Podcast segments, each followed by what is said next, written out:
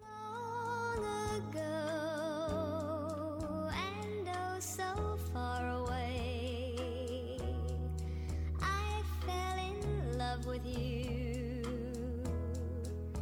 before the second show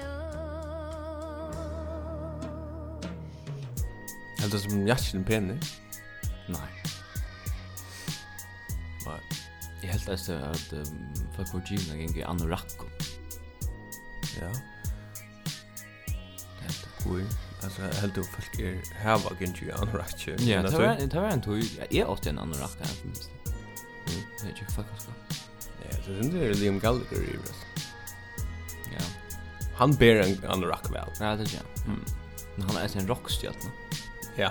Det er en journalist som kring hver fyrir per definisjon ikke. Nei, Nei. nei, det er han ikke. Uh, amatørjar er ikke producera i samstarv vi nekran. Nei. Nei. Det er det ikke. Og i mån til kringkvarspe. Åpenbart, ja. Kringvarp Respons er, er producerer i samstag vi er jævla nek. Ja. Altså vi allt fra eh Gucci. Tui, tui innasta pladsjnum til det åttasta. Ja, fakta. Skekvar, uppjögn bukser, underbukser, Ja. undertrøtjer. Har produkter. Her er alt, det sånn. Mhm. Jeg hugsa om, om at i, i, i forhold til at her vi, altså hos nu, hos mesh nu. Altså meshne som Meshen som det er eitan nu, eh, så takk støy jo i sin her, eh, onevnta journalisten om. Ja. Det var så här populärt för att ha onämnda källor och Ja. onämnda journalister som fungerar för själv. Ja, nei, men, eh, altså journalisten som kan ska vara i Ja. Ja. en någon Carhartt anorakje. Kan ska vara kamouflagekläder till, Ja, ja. till ett, ett inslag. ja. Ja, alltså det han er ut hus man ut det det det som det är, men vad är det vi er är nu någon någon? Ja, ja, er vi. Carhartt, Ja. Le Fix, Le Deux, Ja, nei, men, altså men jag Fila. jag vill säga alltså alltså är bara två två års någon där. Ja. Hade rymliga frankofilt. 100%. alltså, 100%. Och det är LS. ja. og og og han København Köpen. København Alltså det är KJ.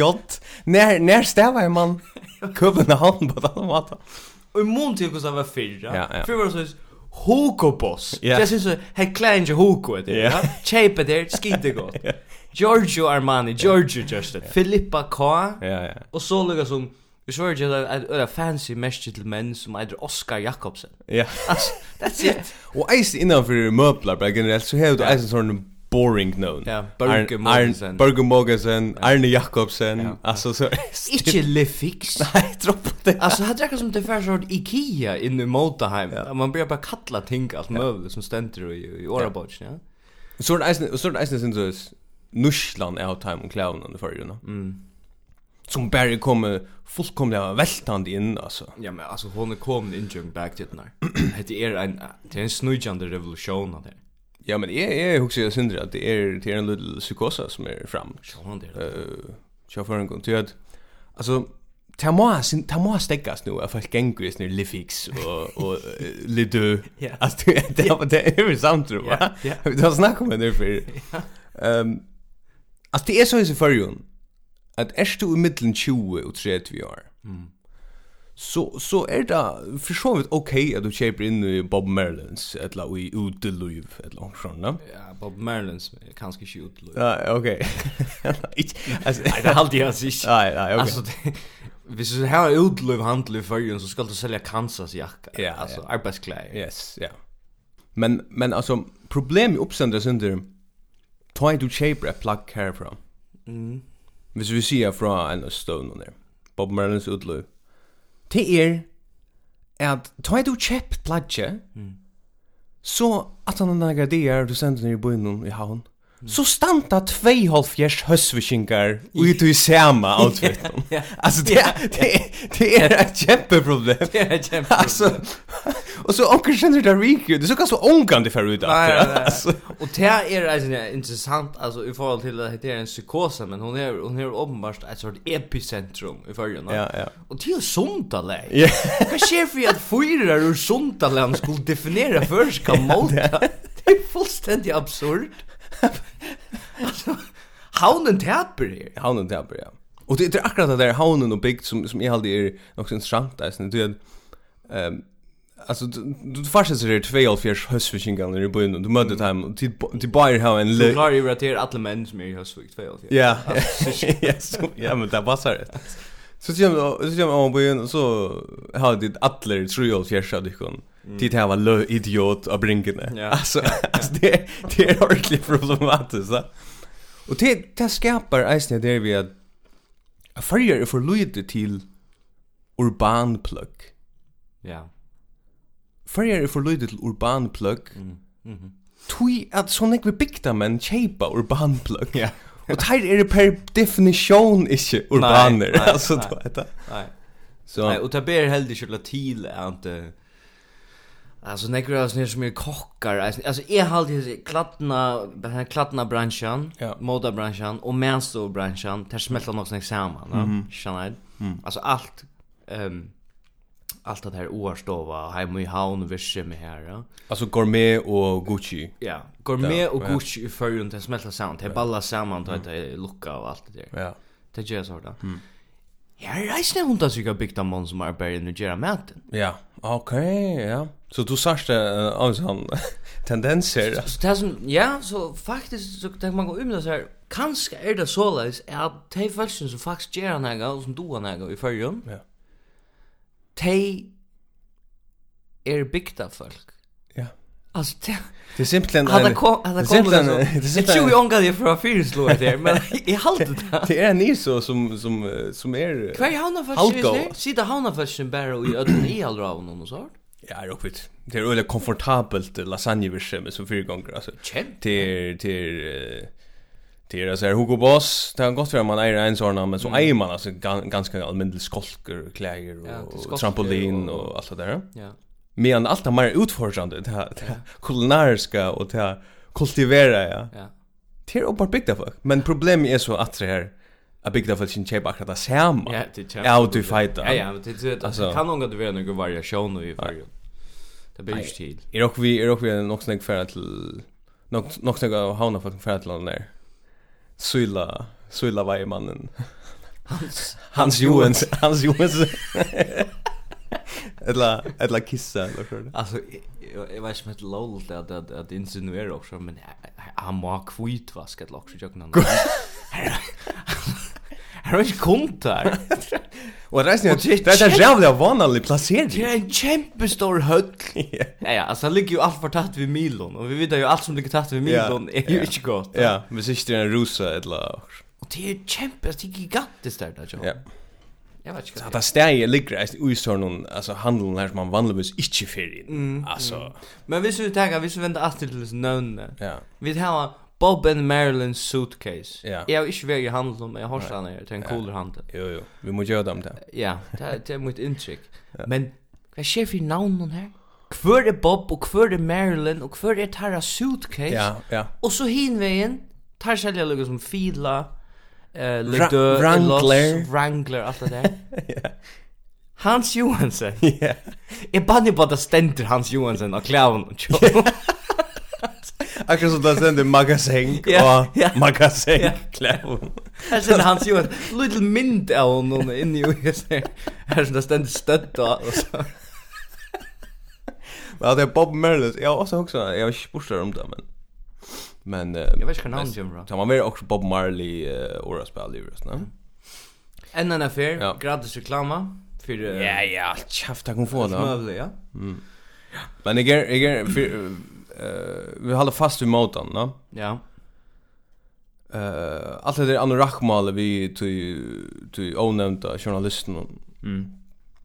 som är det ena så namnet som det inte nämner. Ja, ja. Muntel mota om bara. Men eh, men eh, alltså jag hade relevant eh, ett relevant i muntel det. Det är er- att du ska säga en släge. Ja, ja, så då. Det är att alltså han har stått där vad var det Ferro Ferro Ship Faro agent. Ferro Agency, ja. Ja. Han satt her, inni en pura vanlig og fundarhølle. Ja.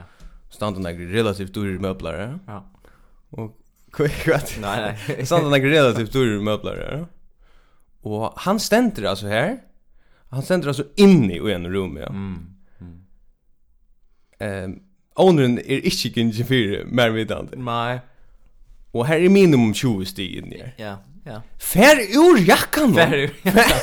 Altså, Ja, ja. fær, Fer ur jakkan nu. Ja, ja, ja. Till no heitt in här till Alltså, backen. to- to måla lukka som to måla ena situation upp här som som producerar lukka som två ting. Det ena är ju till att det är en fullständig ointimiderande stöva. Ja. Du har inne i en Faro agency i Färjö. Och här gånger är väl för sig. Så du bjuder ju i camouflage. Nej nej. nej. Du bjuder ju gojma det. Nej nej nej. Och hit är sånt här färg ur sin jacka. Ja. Och det säger mer som vi som heter tillvitt av väl. att Man inte fer ur jakkan. Sån det där. Alltså inte på grund av hitta. er Mm. Ja, men er- jag är, vi vi är på modan och det är också mer om om det vi luckningsfall, er ja. Ja. Det är ju snarare att sån jag måste vara ju. Feminist eh trotja, står feminist då. Ja. Er Är du sjukt trubbel med du? Nej, det är just. Och till nästa bättre vi att om bara kan man inte vara politiskt oiklatter som politiker. Mhm. Och det är jag bara fullkomligt absurd. Ja. Ja, er- tar tar ju en mening. Men Ein ein mer regla må införas. Ta ut oss om om kläder och luckningsfolk. Mm.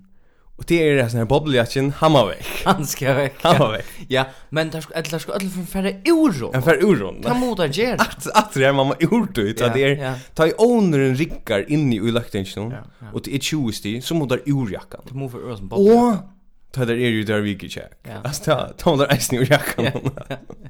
Vi får vi er. Det er får jo vi er. andre ting som er viktigere. Det är andra ting, det har hänt något sånt här. Ehm, och kvar kär våra portaler skriva i i vad halta sist veckan. Det skriver Altså, man bør, altså, man bør bli rettelig god over. Ja, jeg är går Altså, våra man- portaler. man er Ja, rettelig alltså god. 100%. Altså, det det er sint, det er sint kjoldstyrande. Ja, ja. Det det er godt det da. Ja, det är det helt Altså, säkert. Det er ikke godt stoff, men du vet, det er der. Ja, ja. Ja, Jo, men det är väl därför att be om stol och så där snä. Ja, ja, ja. Till till skit. ja, det det. Stol av våra portaler, om det vill jag hejda till att Der göra. har jeg sånne greiner, det vet, når det er våborsaler meiner hetta. Ja. Ja. Som om det er en autoritet av krossle. Vårportalen og The Guardian er samt i Ja. hesa i analysene. Eh, onkel som man bara läser en överskrift inne i vårportalen och så huxar man eh okej, det här passar inte. Alltså då huxar man det där kött. Och det är liksom det är till 20 år och man huxar bara nej nej, det det passar inte. Tutsi år i eh? beskriften. Ja, det är en längre överskrift. Ja. Sist vecka skrev jag ständer överskriften så läs. Siso te. Hotel um Voar i mittlen tutje te beste Flåhavns hotellene og i heimen om. Det är likt det där. Ja, det sa jeg. Jag vill bara säga något. Flå. Det är försvinnande få människor jag gör som har bo av Hotel Wow. Alltså de flesta föringarna, det vet jag inte vad det är. Det handlar om hangarer ett lockshort. ja. Det ligger på ett här. ja. Här är konstant 15-20 meters konto utanför. Ja. Ja, ja. Det är bara omringa av en öjliga orökton uh, hia. Ja. Vad är det? Crux herja og ikke. Fullständiga. Det skriver att han virkände, ta det lägga sådär till, till att han virkände milerna. Å ja. Ta fortälja till ju beinleis att er ofta så refererar det till icke virkända miler. Ja, ikke nemlig. ja. Det ger på översatt. Ofta refererar det ikke til noe som helst. Nei. altså. Nei. Men till det vi, han virkände icke milen The Independent. Å, ja. Som hever Just at Evil It. Uh, Iver uh, gistingarhus som flåföra folk brukar. Mhm. Og her kommer så fram at Stansted, Auckland, Amsterdam, Cape Town og så Hotel Voar. er jo eisen her topp 20-lista. Men men, hvor var det her? Stansted. Det er altså, det er Ja. London, da? Ja. Ja. Og, og så siterer det omkring for jeg sier Hette er helt anfallt et av vegaste stegi at vakna. Og her til er fossren i Gazadelle best 15 minutter i bil i hian. Det var ikke hotell, jeg sier. Altså, jeg er ferdig til Negvhotell. Her jeg kan færa 15 minutter omkring stedene, og så kan man lukke som være, jeg er jo i Colosseum, bare nu. Jeg er det, og Aya Sofia, og i Istanbul, du vet. Altså, mega fighting. Fosseren i Gazadel. Ja, ja. 15 minutter. 15 minutter i bil. Jeg forteller det der, jeg har sovet, jeg har just holdt var um en flere før da jeg var yngre, Ja, ja. Mm. og i langere perioden. Og her hendte jeg altså ikke nekv. traditionella Hvordan var- traditionellt uh, rage cocktails hotell. Er det det, ja, Pariser buff. 100% ja. Ja. Alltså var det, hur var det vaknar? Alltså det var det var man vaknar bara. Alltså det allra viktigaste är vi är en hotell. Det må vara väs. Vi nämner det inte väs i hotell var under mesta läget. Ves är 100% er av viktigt. Det är det viktigaste. Ja, ja. Det är en skund man köper hotell och inte Airbnb. Absolut. Känner du? Absolut. Det ska man inte stäcka vid Airbnb alltså. Okej, cool. Ja, men det är så det är så hets mot i hotellbranschen. Lät hotell Så tack som Uber, er- nu nu för vanlig folk att köra taxabil. Det här var taxachaufförer. Fär nu i taxabilen. Det är en Det tar bransch. jag inte. Vad fan är fräckt? Okej. Vi det där M&M's här ikväll. Ja, ja, det må vi eisne få vi alltså. Vi är faktiskt vidare farne fra Öresund. Eh, Vi det fan fra och sånt. ja. Det som det inte har snackat om. Ja. Det är en annan tvinda stopp som är i morgon. Okej, är det är vi då och kära Wobberstad? Nej, nu är vi er faktiskt att vi öliga kontroversiella in.fo Oh, som är som är vi down. som är just dock dumt. Ja. Mega. Ja, men det var- George Sexual tror jag var en annan ting. Ja. Men eh, det har vi alla för en tvinda del som fungerar. Ja. Vi mun till, ja. Det fortäljer från Sandödne och Jar. Ja. Fyra färslebröd i Sandödne och Jar. Det är för samt om till Nekv. Fyra färslebröd. Ja. Ja, samma dag. Ja. Ja. Det er nek. Vest- Tull- Tullja Jaramorgnen gjør det løkreglan ferslekanningar i sandøytene. Fyra bilfører finge bøter fra løkreglene. Mm. Tvær tarra finge båd for ikkje hava korrekors i asar, men annar tarra heldur ikkje hei fest tryggtarbelte. Og så kjem det. Hetta var um longo om seks tøyna i Jaramorgnen.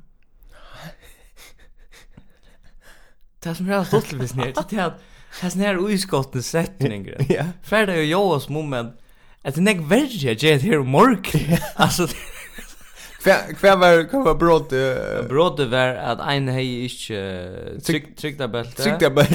och hin hej inte korgors till pjasa då. Alltså, kv- Och en ständer han nej tvär finger bolt för att halta telefonerna upp till öra. och- alltså långt klockan sex om morgonen. Långt från sex um om morgonen. Det är- Det är- det är liksom mer okej hvis det var tryggare till tro. Ja ja, det är jo så. Och så är det alltså det Hvordan er samtinga ute i køyra klant 6 om morgenen? Fyra. Hasen er, hasen er 25% betjenteren i Sandhøyne. Han er jo fengt alle. Han er fengt trutjer som giver seg sjolv henne båt, eisen til han er glemt tryktabeltet et lokk sjår. Men man plejer lugg som man för ut eh, jag jag också såna färskelkandigar då blir det vara eh sån touchpunkt som är eh, här här man vantar när någon snäga bilar ja. Det måste jag. Nu, nu skal du ikke letja først løkreklen noen. Alltså allt för någon kvällte plejer det vara. Plejer det? Jo, det blir Sånn ved seks- rush hours. Klart, sån sex om- nej sex om morgonen inte ordentligt. Men eh, det er jo om man letja seg arbeidsdagen til rattet så som man først lytter gjør som Ja. mulig. Det gjør vi Ja. det utla. Ja. Det gjør løkreklen ganske eisen. Du får när gå stoppar skilja Ja, det det. var jeg stoppa med. Jeg har med omgang etter. Men ehm, men ehm, Jeg har ikke klipp til den heldur, det er du ikke. nej men jag finner det vi tog in ja. Ja. Men eh, men det är vi borska förbund förrjuna. Ja. Ehm Ich vi allt mars round in og akkurat her, men eh, men det var ju inslag i der vike om muslimar för Okej. så det inslag. Nej, det sa jag inte. Till du sjá, okej. Nej. Du blir annars så vara nog analer till att jämt till muslimar. Jag har jag har haft så jävla mycket gär. Jag har er flott. Ja. Men eh, det var så två två muslimar. Mm. Man kan inte kalla det två folk som big way för Ja. Alltså här Gerard Stone just hem med lustig. Ja. Två folk, ja, Ja. som tillfälligtvis är muslimar. Ja. Og jeg halde vi skulle høyra sindur um, hva de sier om det at bygge førjuna. Det er pura almindelig, det er ikke stått til vis. Okej. Altså, hva er det her? Uh, Tjonene Ali Kashif Basir og Neila Ali er begge ur Pakistan. De byggva i havn sammen med årsara gamla sonen Hassan Mohammed Ali. De flyttet til førja for knapt en og året søgjene. ok. Det er flott til farger, og her er sonen jeg ser vi, og alt mulig. da. Han er är uppkallad efter Hemsens eh, bästa Heimse beste boxer. Det yes. är cool noun, ja. Mm. Ja. Og eh så spyr man det jo, nå skal hun gå førjuna. I think myself as a furries because I am part of this society, so I want to contribute to this society. Eller milda indiska dialekta. Mm. Ta dama vi. Det är gott. Ja, alltså Ja, ja, akkurat. pa pakistanska. Han är från Pakistan. Ja, men ikke? Han er jo en indiska dialekt. Kommer vi være samt om det? Ja, men det pratar väl rimligt lukt ängst kan ju bra. Ja, ok. Ja, til, ja, til tatt vi går sånn. altså. Jeg sier bare, han hever en... Han, altså, jeg sier bare... Du, det er lu- du, du är sant för han er är inte där. Nei, nei.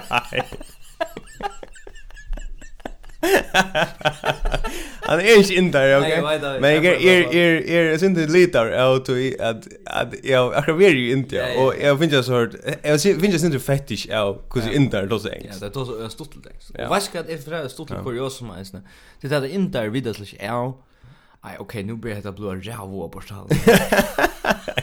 Wow, for sånn Okej, iveskrifter. okej, okej, okej. Ein inter som jag pratar vi en affär. Atler indar. Ja. Ein inter som jag pratar vi. Ja. Jag ser vi Anna. Ehm tid där jag ser jag alltid där något stort jag kör med en dialekt av enskon i Indien. Så ser hon Vi tar hon dialekt. Ha? Snackar om. Och um? hon säger hon pratar i Oxford English, men eh, ja, hon pratar ju i indiska. eh, ut- Hon då säger, Hon alltså... pratar ju indiskt. eh. Hello my engelskt, friend. Ja, ok. Men jag försöker imitera det. Det blir det. Tack om det, Josh. Det blir inte helt Marianne. Det er blir sin varje Marianne. Det blir för helt Marianne. Ja, men jag vi vi håller framme. Ja. Intil vågare så har han sagt eller så har ehm, journalisten sagt att det är flott färja och han säger följ mig som föring till att jag vill gärna bidra till samfunnet. Ja. It's not necessary the other person in front of you should be according to your religion. It's not necessary. But the thing is that you should uh, meet the person in a way that uh, that is good. Okej. En en fin boskap, bra. Ja. och du vet inslag ända vis ner. You are covering or not covering the work. The main thing is work. How you deliver your work and how sincerely you work for other. Okej. Ja. Men det finns det här på plats att det som det säger är det viktigaste är att man går på land det är inte om man är burska eller vad det är Mm. ja, eller om man är muslim eller ej. Så. Reaktionen till föringen och sociala medier. Oj, så sick. Och det är inte ett stuttligt inslag det. Nej. Till som Lorsa det det det det skulle ta till det kunde. Ja, er det. jag gillar. Ja. Ehm reaktioner på Facebook. Jag läs en tråd som fokuserar redan på ett inslag och ett inslag är fullkomligt er tamt. Mm. Vi kommer att skriva Føringar læri av mistöknum til okkur grannlandalondum loivi ikkje som fanaskapnum að få rødder. Altså, Okej. Og nummer 2. Har du bara varit Du har så pura så rätt sier hun till nummer 1. Är räjist minne mig um om råttor. Men om råttor? Ja. Fullständigt allmäntligt väl. Kort till helvetes jag sen vill man tänk. Säg vi kon säg vi kon att ta senden ju väl Leo. Hatt er bäst början. Oj. Början till kvätt. Ja. Det är on till on jötar efter de muslimska länderna ute. Hooks om det. Det passar inte. Ser han. Men det som det som man rör kom fram Det er till är väl det. när mackar om det alltså har vi för filt i götar så flyttar där till muslimsk land. Och det är alltså inte bara tyskar som får filt i götar. Det är alltid Europa för filt i götar. Men det som man redan kom fram till det, det är att ett fullständigt harmlöst inslag Ja. eh vi folkon som kanske ja okej vi vill gärna ha halal kulling eh och Nej, vi nej, gänga det är sin för guds skull inte få. ja och vi får ank till Danmark och köpa och skjuta roi med annars är vi för vi vill gärna vara där då Mm.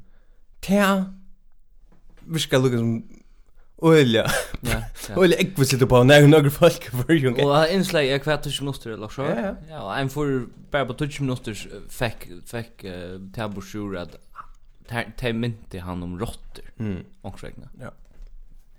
Ja. jag vet eh, Det får bara inte starta det kommer till det där. För stinkar det det kommer till det där. Folk stinkar mm till det kommer till det där. ja det är också boskap Rävan allt. Mm. Nu vet jag inte, nu blev inte sändningen till det här som Olvars. eh, det ska det vara Ja, okej. Nu nu nu fem nog vi Liot. Nu nu är nog vis när i flatska pissen om som gång för sig förrän vi onkel gonger i Carhartt och så. Ja, alltså. nämligen. Ja. Nu liot, nu ska vi alltså gräva ner i Ja. eh kvar i folk flyttar för er och hur det har det. Ja. Och ich färd jag förgravans journalistik till så ända vid som sociala. Ja, nämligen. Vi ska inte stagea en eh, en Så telefonsam. jag gör just fällt sin för en arbete eller kan? Ja, för en Mavren han arbetar i och sätter nu. Okej. Läktare. Ja. Fullständigt. Okej. Ja. Men men er han är en råtta uppenbart. Ja. Ja, det är snägg vi kunde sagt med det här. Vi hade vi måste vi gör, ja. Ja, vi får vi gör. Det här blev eh, men nu tar vi det in i oj här sån här a eh, center så här vi en, en lilla reflektion om att det här och det är ehm, det er är ju redan jag hämtar såna här sviknar. Alltså vi har haft eh alltså i Milheim då nu kommer det här vi er är sån klav någon och och och så där vi allt möjligt annat Mm-hmm. så vet det vi er som muslim någon och och så er är den där godsign förra sändningen nästan ja Ah, tjaft, ja, ja. ja. apropå tal för er kristeland då och och att vi det så där go. Ja. Vi måste ta det här sändningen, det har vi borde bli. Ehm, Ja, jag har ju snackat längt om det. Jag har bara en så stotta reflektion som en faktiskt uh, vi mörste Ja. till mig när jag pratar. Han säger ju med att att det det det det er är ett kämpe problem med att att det gänga av tröll vuxna män runt i förhjön och trycker på anklar.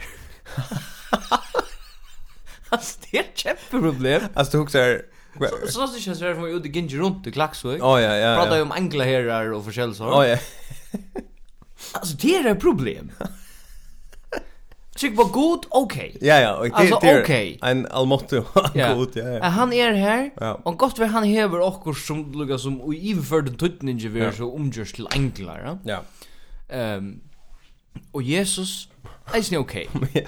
Men, men det är ju att Halt det till det. här. Allt det till det. Ikke det er hundra sikkert enklon alla stedene i Klaksvik. Det er det ikke.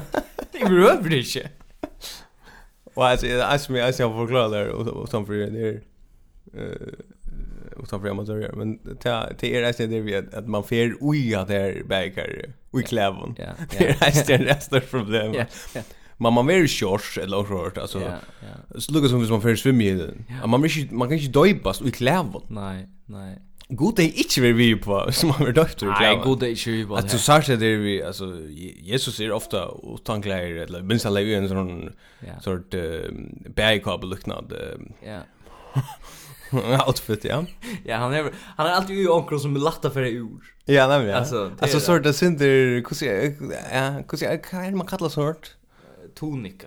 tonika. Är det det? Ja, jag vet. inte. Bagkapa. Men det var inte ja. Ehm, Men sen det ju ju alltså kake jag inte en skorne sitter. Alltså Ja, han- han Scholt om han inte vet nu. ja, Kvart. ja, han gammal as njas.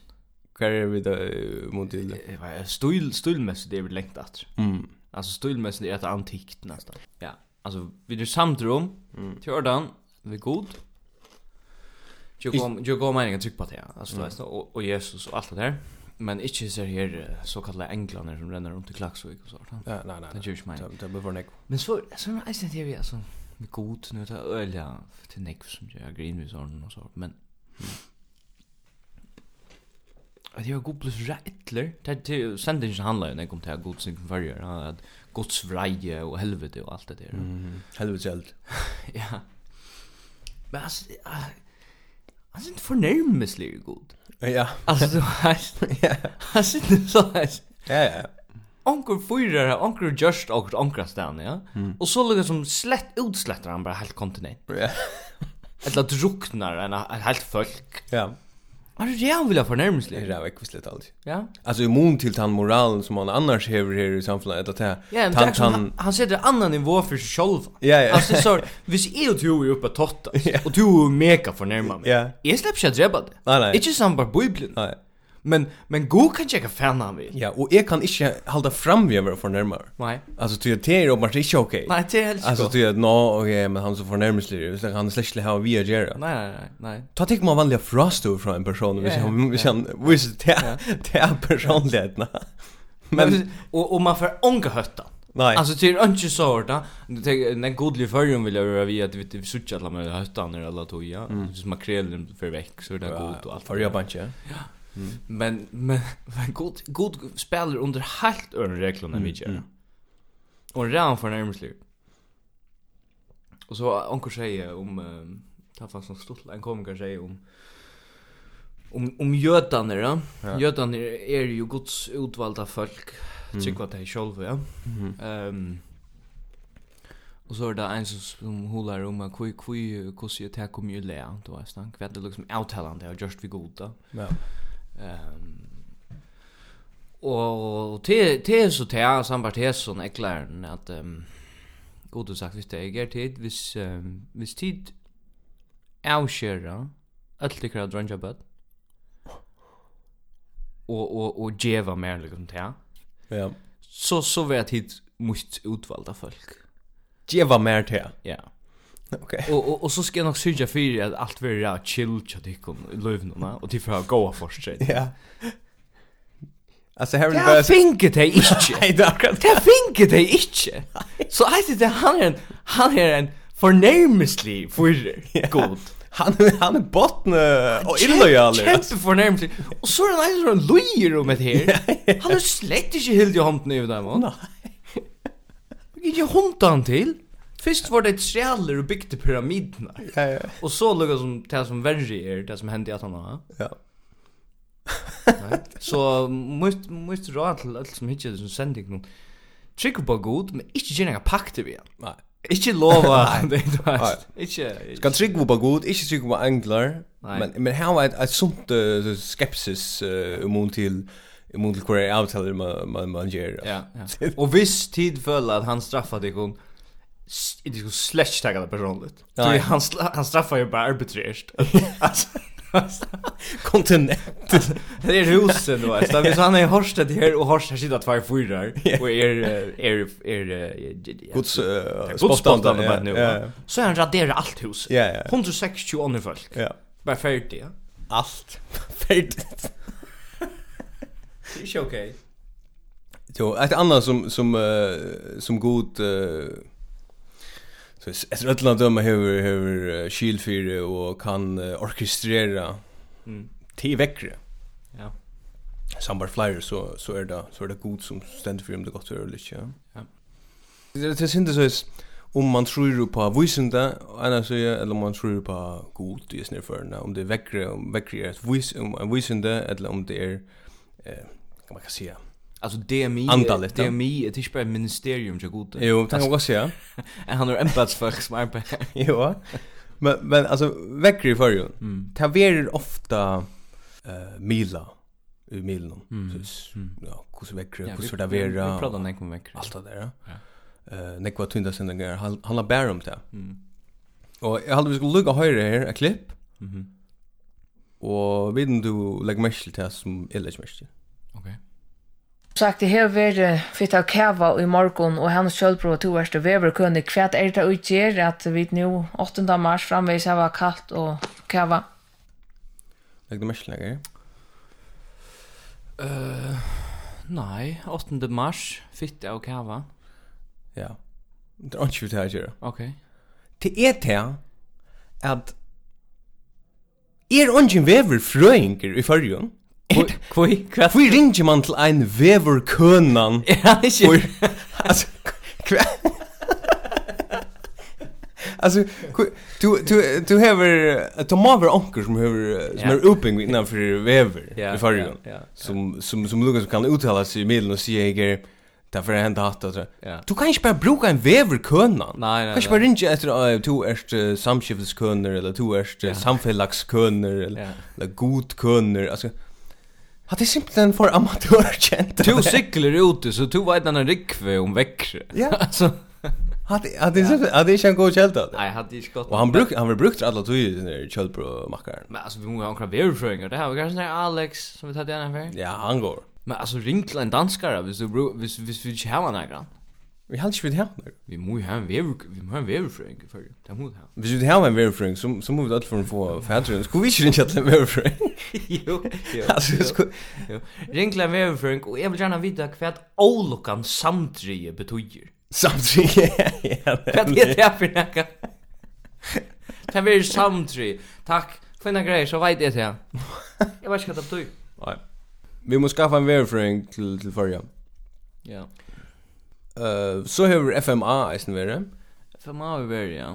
Faroese Music Awards, I don't know. Ja, ja, men ja. Ett som jeg ikke skiljer ordentlig, ja. Ja.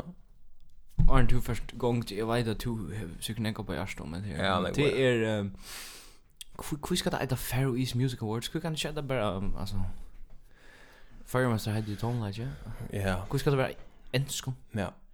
Men til pars er også tanken at det skal være global edition, no?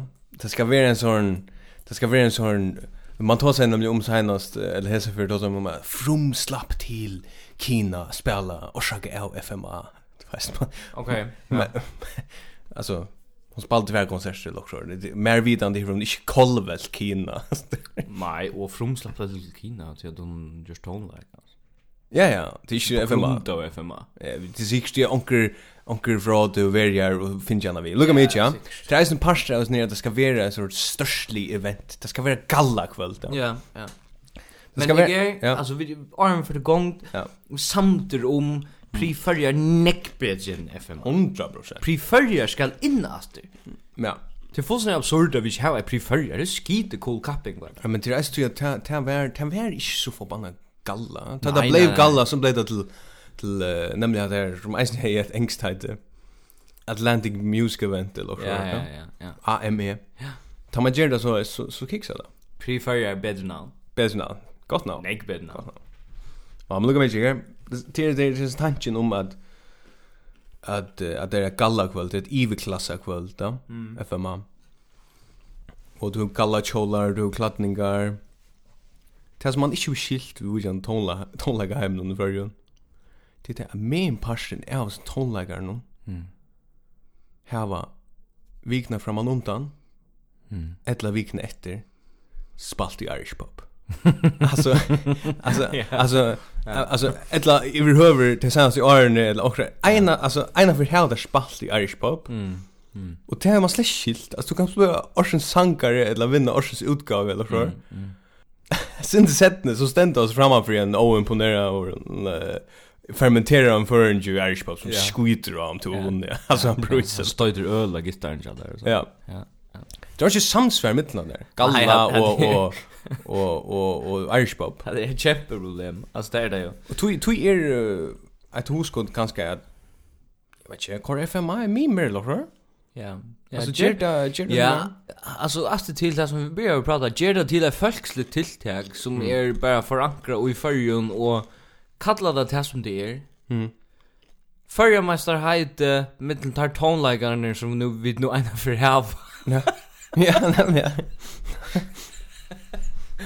Og Hette är så tej friaste. Ja. Det er nägg då när tonlägare förrjun till slash det. er Men en som är har bit mesh och ju snär samband. Det är inte att tonlägarna är som brötter, tonlägare heimer den brötter och en Hmm. Es ödlan döma. Och det säger att det kommer till produktion, alltså alltså hur snägg du gör. Ja. Alltså jag sa att det här var onkel som jag hade han vann Orsens sankare eller något. Ja, ja. Han gav två lö ut i fjör. det är fan inte nog. Bjørk Jansen. Ja, Tveilø. två lö. Ja. Jag gav två lö ut i kväll i, i fjör. Och så är spalt nägg i, i, i här. Jag är ju spalt. va? Irish pop, ja. Det er ikke nok. Det er ikke nok. Og, og ødelig er så, ja, men er jo i studio og tar ikke atle opp. Nei, nei, nei, ikke makkaren. Du skal inn her i studio. Du skal ta henne fløve jo. Ja. Elvis gjør det fjørde fløver på 25 år. eller noe sånt, ja. Han tok av sine hundans rikve av stoffet. Bob Dylan gjør eisen. eh, Ja, ja. Men jeg mener vi, hvis vi skulle ha noen framløsle i den her, så må de stekke og fermentere, Mm. ja? Ja, ja. Og, og jeg vil ikke oppfordre nærgan til å ta stoffer, men altså, de må finne onkra mat til å produsere mer enn tvær sanger på et år. Altså, det er slett ikke legitimt å vinne nærgan som helst at du gjørs. Att det var nämligen, det var nämligen Björk Björk Jansen som han uttalade sin info att han er- att Ja, ja. Nu, hva heldur eh, du, han bespurter, nu, Ja. hva, hva heldur du, du, Josh, vinnande hæren? Spalt nek, spalt Maggis, Jar. spalt sindri Irish Pop. Og... Det er ti kriteriene for jeg vinner. Men, eh, men altså, apropos at her vi, vi FMA er mimer, det som man sier, Johanne. Det er faktisk det at jeg leser ut det at Bjarsi Hansen, Orsens sangar, skal spela i mimer, i vikskiften. yes! Så her er reklama for mimer. Bjarsi Hansen, Orsens sangar, FMA. Du vet, det är helt stora, du vet, Orsen Sankari, han har släppt till Kina och spela eller något. Han släpper att spela i mimer i vikskiften, inte i Kina. Nei, nei. Nei. Ger en fløve. Så var det eisen at her vi, vi eh, altså nu rundt av den der FMA, ja, det, det, det, det er simpelthen ikke et tiltak som, som skal være atter. Nei, alltid. nei, nei, nei. Men, um, men, um, så gikk det etter Orsens eh, nudje balker, halde jeg, halde jeg det var. Ja. Her er en av tilnevningene var Son of Fortune. Mm. Orsens sangare i 2013, eller når det var, Mm. var Benjamin Pedersen. Mhm. Det som jeg vil si her, Orsens nudje einstaglinger Mhm. i 2018, Mhm. er Benjamin Pedersen. Orsens sangare i 2013 er Benjamin Pedersen. Okej. Han är så er det är inte något nytt. han er Son of Fortune. Ja. Alltså, han er Benjamin Pedersen. er Ja. Det är inte som vi är sån här om um man er är privatpersoner eller om um man är statsminister eller om man är Ja, ja, ja. allt möjligt. Ja, Ja. ja. ja. Lockmar eller former Jan Floss. Ja. Det är den samma er person. er Ja. Han är inte nutcher. Nej. Han vann också sangare i Så stäcker han nog bara F- FM, FMA. Stegga vi FMA og eisen stegga det skal helst ikke være så FSF visse men altså to sars myndnar de flest som kommer og jeg vil ikke en kjaft vi tonlaga gjerra Ja, altså det er bare det er jo bare for at for å være for å være avmynda ja. Ja, ja, ja. og, og, og drekka så champagne og så Ja, aperitif. nei ja, det kiksa kjempe kiksa Ja. Orsens podcast 2016 Ja, det där. Orsens nudge podcast 2018 amatørja Ja, nämligen. Jo, vi får vidare. vi burde haft en kapping for podcast i fyrir Och det ska vara galla. Det ska vara Ja. galla. Det ska fan vara galla. Jo, eh, vi får vidare till pengar. ok Eh, Vi snackar om pengar.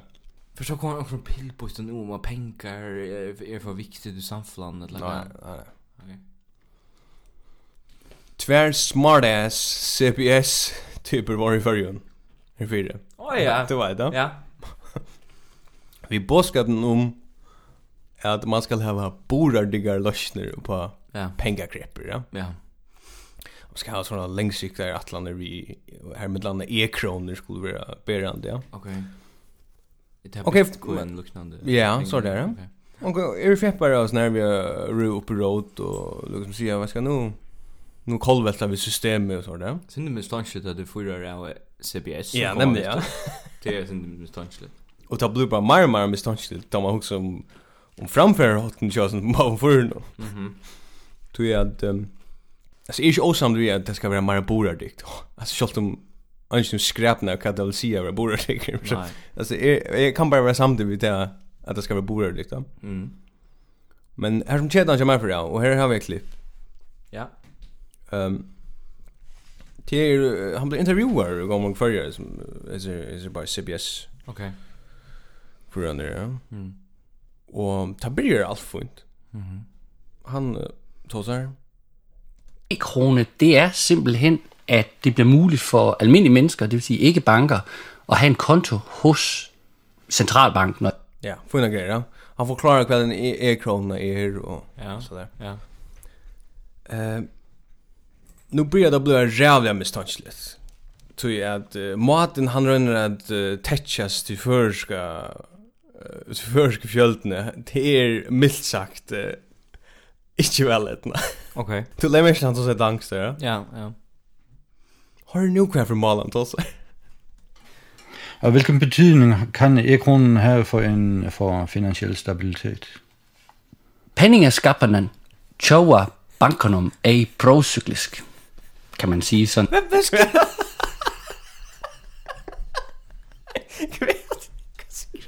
Vi fann en gång vi har snackat förr. Alltså vi har det om det. Man har man, jag anar inte vad han säger. Visst vi gör det. Penningaskappanen tjoa bankanum er procyklisk. Ja, det är inte det- grejt. Man må ordla, hvis man veikar kontexten er, så då man råknas fram till han säger. Ja. Men, eh, Penningaskaparen. Penningaskaparen. Chowbunchen Ja, er er- pro-cyklisk. Procy- Og her er sådan, jeg bruger det her ordet procyklisk. Ja. Det er ikke et serførst ord. Nej, altså, det er ikke et ord, man, overhovedet ikke. det er Overhovedet ikke et ord, man får ind og Det smide er ind ikke- her. det er ikke- Penningaskaparen. Men Og det er her, det er her, jeg- jeg så ikke det her, jeg- jeg jeg kom frem til, at det er en fraud. Hetta er en fraud, det er kjempe fraud, men hadde jeg hatt en empirisk fraud, det han veit det at hvor er vi eneste kjafter som er som Ja. som er best i sin feltu i fyrjun. Ja. Det er en danskar som pratar holbrod først. Ja, ja, nemlig. Alltså det är ju så. ha? Så att han er är ju kanna marskna, han kommer ju från CBS. Ja, ja. Han vet lugga som hur man eh, Hej hej, nå, vad ska det? Ska vi li? eh, Og t- han, han kan alt det der vi eh, Lars Løkke sier, eh, ta gonga fint og alt det der. ja, ja, hon tror Ah, jag. han han är in i allt det där. 100%. Men men jag vill bara säga att utförslan är inte er så god. Nej, nej. Han kunde till dem som valt en annan sättning. Ja, en bättre sättning kunde jag ha. Och det var en ekva Carhartt tuber till till detta tilltage. Men det här som vi sitter och gör nu, ja, hundra. Här är sån utlöv typ. Bitcoin eh, samlare och, Ja ja. och regering typer. Ja, ja, ja. och stora konspiratörer. Alla så typerna. Ja. Ja.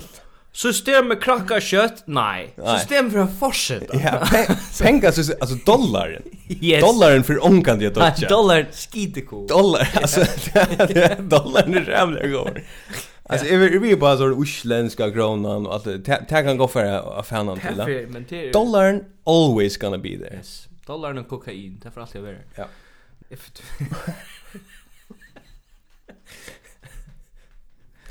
Men det, det, det som är er gott i föregång, Ja. det som är redan er gott i föregång, det är att vi nu har jag pratat näck lost um om föregång, föregång är så jävla er cool på era man där. Ja. Det är det här, vi är jävla oimponerade. Ja. Alltså vi är vi är öl er imponerade hvis onkel utländsk mejl skriver också om förr. Ja. Eller också då. Så är det öl imponerade. Vi är så imponerade hvis onkel utländsk kommer till förr och fortäller också eh i vad är det smukt uh, spännande samfund och ett land då. Och till Vaga? Ja ja. Flott Så hotell. så håller vi till skitecool. Mm. Men vi er är inte imponerade Ui okkara folkasal, altså, vi tog som vi gjer. og tog i halde jeg, altså, når vi prater med det vi FMA og så, ja. jeg stilte ikke ni fullstendig malplassere. Så vi er ikke en sånn hera klappande tjob handamata. Slett i rörs. Altså, hvis onker just, just okkur praktversk onkra stan, ja, så sier man, ja, jeg sa at det er, Ja. at det er noe jobb, jeg har funnet jobb der. Ja. Og Nej, folk- nej men och så så är det nämligen där vi vi um, onkel fortalte mig ena för att föringar hava där vi att sia att inte sia inte tingen är er helt fantastisk men Nei, slett sjukal. slett ikke Så som man vänder du vi att man att man tar det från från det rinkaste Ja, nemlig, ja. helvetet Og och näkrant oppetter. och uppåt. Och inte inte upp till mig men Nej. alltså slett sjukal är er det. Og alt du er en sånn tone av ivraskelse i eisen, ja. Altså, hvis Ja. man er just mad og man er jester, så sier det. Så man kan få en slash av det. Mm. Ja, ja. Ja, takk for det, jeg er helt jo. Ett som öll för definierar förska förska salen. T är er, eh nå tossa syndrom tax free. Och T är alltså miniek och då narskas poschnar. Fick en båsändan i veckan som eh, vi skulle börja we are i, i podden. Ehm det var en mint vi heft. Vi kom att vara i tax free Ok. och um, det Hei, fyllt seg kurven eller hva? Nej, men men gjorde det nog att han. Mm Mhm. Jeg legger mest til at i januar, Mm. 25. januar, Ja. så legger tax-free for jer, eller hva faen det heter. Tax free for you. Det heter også tax-free. er? Panama. Det- Det har en Facebook-side, så størst er tax-free for Ja, jer. ja, ja. ja. Men eh, så legger det ut at, at mini-egg og krem-egg er kommet til for jer 25. januar. Er du kommet? Ja. Ok. Og til til er en påskavøre. Mhm. 25. januar, det er tulja. Mm. Men så legger, så, så, hun sendte meg så disse myntene. Og av myntene så stender tilbå, kremegg, mm. 48 stykk.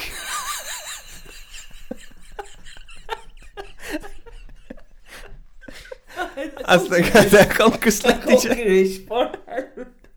Alltså och så, och så är det 84 styck 290 kronor. alltså så hur jag spyr När fanen är detta blivit ett normalt tillbå? Hetta er heilsøla. Jag Hetta er heilsøla. Wholesale. Alltså Alltså man blir liksom man blir liksom så ja du får två kremägg för prisen Ja. och en och kremägg. Ja, ja. Du fast åtta och fjörde och du fast fan är mycket mindre. Nej. Så ständer expedienter bara och kröster kremägg upp i munnen och allt det här. Äter, äter, äter, Alltså- det är en pillbutt i flowboxen när man går hem bagagen eisen. Ja. Bara stu stappa vi vi vi eh, smältande kremägg. Ja. Ja. Nej för all kan inte. Och och och kvad kvad är er det vi sån tull någon? Hur man hur man bara huxa när man stäcker över vi sån tull på han som just det tull på när han stäcker har sagt det skulle vara 84. Det skulle inte vara trusch. Det skulle vara 84 och prisen Eisne, samma. Nej men igen. Det ska vara 290 kronor, det blir det blir inte 230 kronor, det ska vara två. Men vi kommer gänga ut från att det är eh, förpackningar som gör att alltså du du det är ju en hälsol hälsolprodukt. Du Ja. köper ju en kassa och kremägg. och det. Ja, det är Alltså det är 84, det kan ju ufra. Ja. Alltså det är fullständigt Och Jag absurt. spurs att onkel folk som har en Rannig folk som har en sövliga vidan om uh, prusner taxfree Mm, men jag spurs onkel och onkel säger då att ja men för uh, faktiskt så började det vi att man hejer en, en fempack så utvecklade det sig till att man hejer sutjer fempack Ja, ja. ja. och till 15 kremek nu är vi då så uppe i 84 och för det hackre Ja. så sprungi är öll kremek i luften Ja. Alltså det har gått, jag kan inte bara. Nej. Det är nästan jävla klamt att äta 84 kremek. Ja, men det är istället som är problem och just nere. Det är att som så jag hade det att jag hade folk som köper bomb ofta. Det du eller väl häva bomb inne. Ja, ja. Det här som är skvamp vi eh kremegon Ja. vi eh, hinäggon choklad Miniägg. ja miniägg Ja. jupor Ja. Ikke mer. Nej. Alltså i rövrish. Och ta, och alltså vi också köper 84 kremek. Mm. Så så kan det vara att ha 80% av folk som köper det. Äta 84 kremek. Ja ja ja. Bena vägen. Och dodja. Out. Allt det för den krem. Ja. er Men alltså det ser jag inte att att det gör ganska goda meningar but som är uppvuxen vi att att det får alltid syndra bomber men det Ja. får ju neck och det är fast touchpunkt och allt det där följs jag gått ett litet där och så vidare. Det är ju alltid också skött inne men det släpps ju äta det. Det lär sig jag löve att ha ett disciplinerat förhåll till att oj här sån här skap någon här är er allt möjligt gott men jag får inte äta det nu till torsdag va. Ja. Ehm så svarar jag inte mer. Nej. Vi hade fiken eh, på Alec. Ah, Minns du, minns du fiken på Alec? det er är inte Nu fick det jag som är en ölja eh, herran band om det här. Jag fick ångt och gott eisne men, men det var på en vid 80 öns inne En som 80 inne och sån med fiken på Ja. Så du kunde välja antingen fick du en sky av socker Mm. eller fiken på Ja, Men jag hade jag hade kanske vi vi må ha en past ur uh, taxfree uh, öchnon här. ja, Här vid litja ui en bäkare av kremek. ja, 100%. Eller också, no? Ja, ja. Hvis vi nekker en bo en sponsor, hva skal taks vi være sponsor? Tack för att jag sponsrar. Det er en god sponsor, det gjør vi. Jo, um, so far away jeg har ikke hans rann jeg mer, Nej, jag jag älskar mig. Jag måste eh, föra in love with you. möblera. men blir det, ja. Är skidloj. Så Men vi det. skulle takke sammen om, altså, um, Le idiot uh, uh, av brinkene, tema fjernast av brinkene. Ja, alla så här Le fix og... the fix le de fila Ja. LS. Mm. Jag syns kämpa problem att det är folk i Sundaland som eh, som definierar förska mota. Ja. Det är eh, en en en milt sagt mer skvärdig utveckling. Mm. Og jeg halde, ja, og jeg halde. Det skulle ju fallt att här befärdas ju färslen i Sandöjden klockan 6 om morgonen. Ja, det Bombart. Point. Adelaide, bye bye. Nej, bye.